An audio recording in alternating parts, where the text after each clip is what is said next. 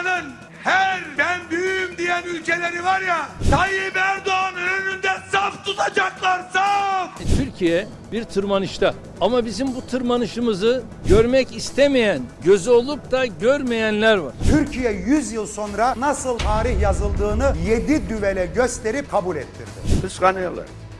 Açık konuş. AKP yöneticilerine göre Türkiye dünyaya artık nizam veriyor. Dünyanın sayılı ekonomilerinden biri haline geliyor, hatta yakında uzaya bile çıkıyor. Bir Türk vatandaşını uzaya göndermektir. Ancak bu hamasi söylemlerin ardında gizlenen önemli bir gerçek var. O da Türkiye'nin son 20 yılda adım adım her alanda dışa bağımlı hale geldiği. Üretim yerine betona yapılan yatırımlar sebebiyle kurulan ithalat ekonomisiyle çok kırılgan bir zeminde duran Türkiye, yurt dışı kaynaklı en küçük krizde afallıyor, tabiri caizse komşusu öksürse zatürre oluyor. Son örnek geçtiğimiz hafta yaşandı. Sıfır gaz stoğuyla girdiği kış mevsiminde İran'dan gelen doğal gazın bir anda kesilmesi Türkiye çapında kesintilere yol açtı. 360 organize sanayi bölgesinde on binlerce imalathanede çarkları durduran gelişme, üretmeye çalışan iş adamlarına saç baş yoldurdu, eve gönderilen işçiler de yevmiyelerinden oldu. Manşet belli, enerji kıtlığı. Az önce size de anlattım, dışa bağımlıyız. Meğer İran vanayı açmamış. Sanayicinin iş dünyasının tepkilerine bir bakalım. Endişeliler, panikteler hatta. Gaz ihtiyacının sadece %8'i ithal edilen İran'ın tartışmalı bir arıza bahanesiyle Türkiye vanasını tek hamlede kapatması milyarlarca dolarlık zararın yanı sıra ülkenin geleceğini düşünenlere de soğuk duş etkisi yaptı. Türkiye'nin ithalat portföyüne bakıldığında hiç de haksız sayılmazlar. Ve şu anda Rusya'nın en fazla doğalgaz sattığı ülke Türkiye'dir. Türkiye bütün doğal gaz ihtiyacının üçte birini Rusya'dan alıyor. Yerine konması imkansız büyüklükteki bu gazla evler ısınıyor, sanayi çarkları dönüyor, santraller elektrik üretiyor.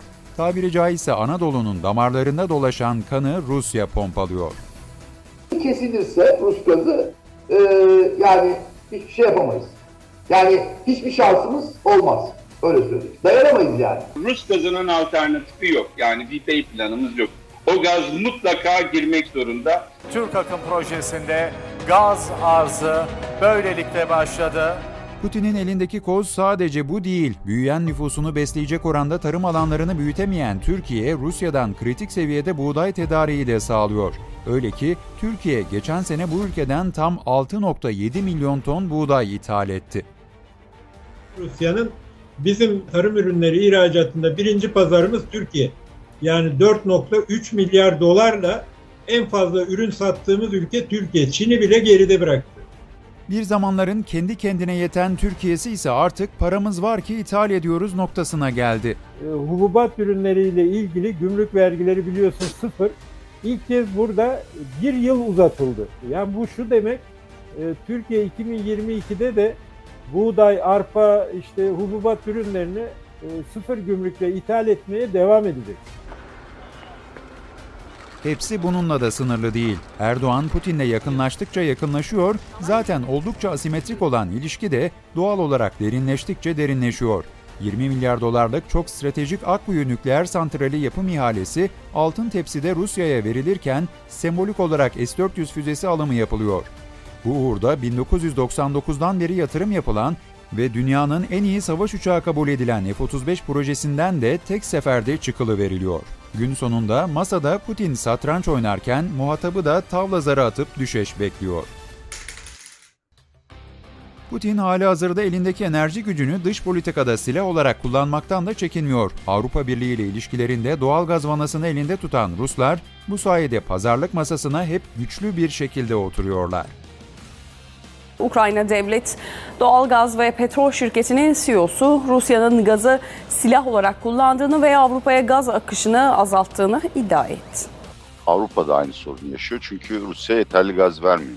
Ukrayna ile işte gırtlak gırtlağa geldiğinde yani çok anlamlı kesintilerde de gidebildiğini görmüştük. Bu volatilite Ruslara güvenilemeyeceği ya da dünyada herhangi bir millete tek başına güvenilemeyeceği için de yaşanıyor. Erdoğan ise kendi eliyle oluşturduğu bu yumuşak karnı muhafaza etmek için elinden geleni yapıyor. 2015 yılında düşürülen Rus uçağı krizi sonrası önce gene olsa gene düşürürüz çıkışını yapan ancak daha sonra Putin'e özür mektubu göndermekten çekinmeyen Erdoğan bir ülke için en önemli sermaye olan itibarından vazgeçti.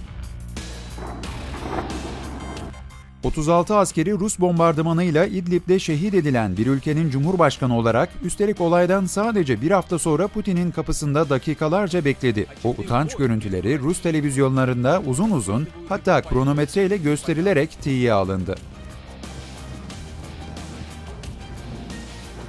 Sadece Rus tarafının incitici tavırlarını sineye çekmek zorunda kalmayan Erdoğan yönetiminin hataları yeri geldi Putin'e espri malzemesi oldu. Я знаю неудовлетворенность э, реального сектора от повышения ставок. Но если этого не делать, то у нас может быть как в Турции.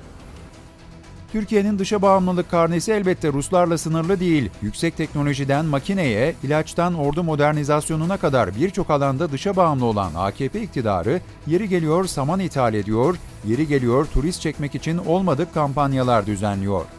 Günün sonunda vatandaşa ise kürsüye çıkanın hamasi nutuklar çektiği, buna inananların da sokakta terör estirdiği bir ülkede yaşamak düşüyor. Doğalgaz vanalarını kendi elimize aldığımız zaman dünyanın ne hali varsa görsün diyeceğiz. 2023'ten sonra hep kendimiz üreteceğiz. 2023'te? Şu yasaklar kalktı mı kendimiz üreteceğiz. 23'te ne değişecek? Her şey değişecek. Her şey. Doğalgaz gelecek, petrol gelecek,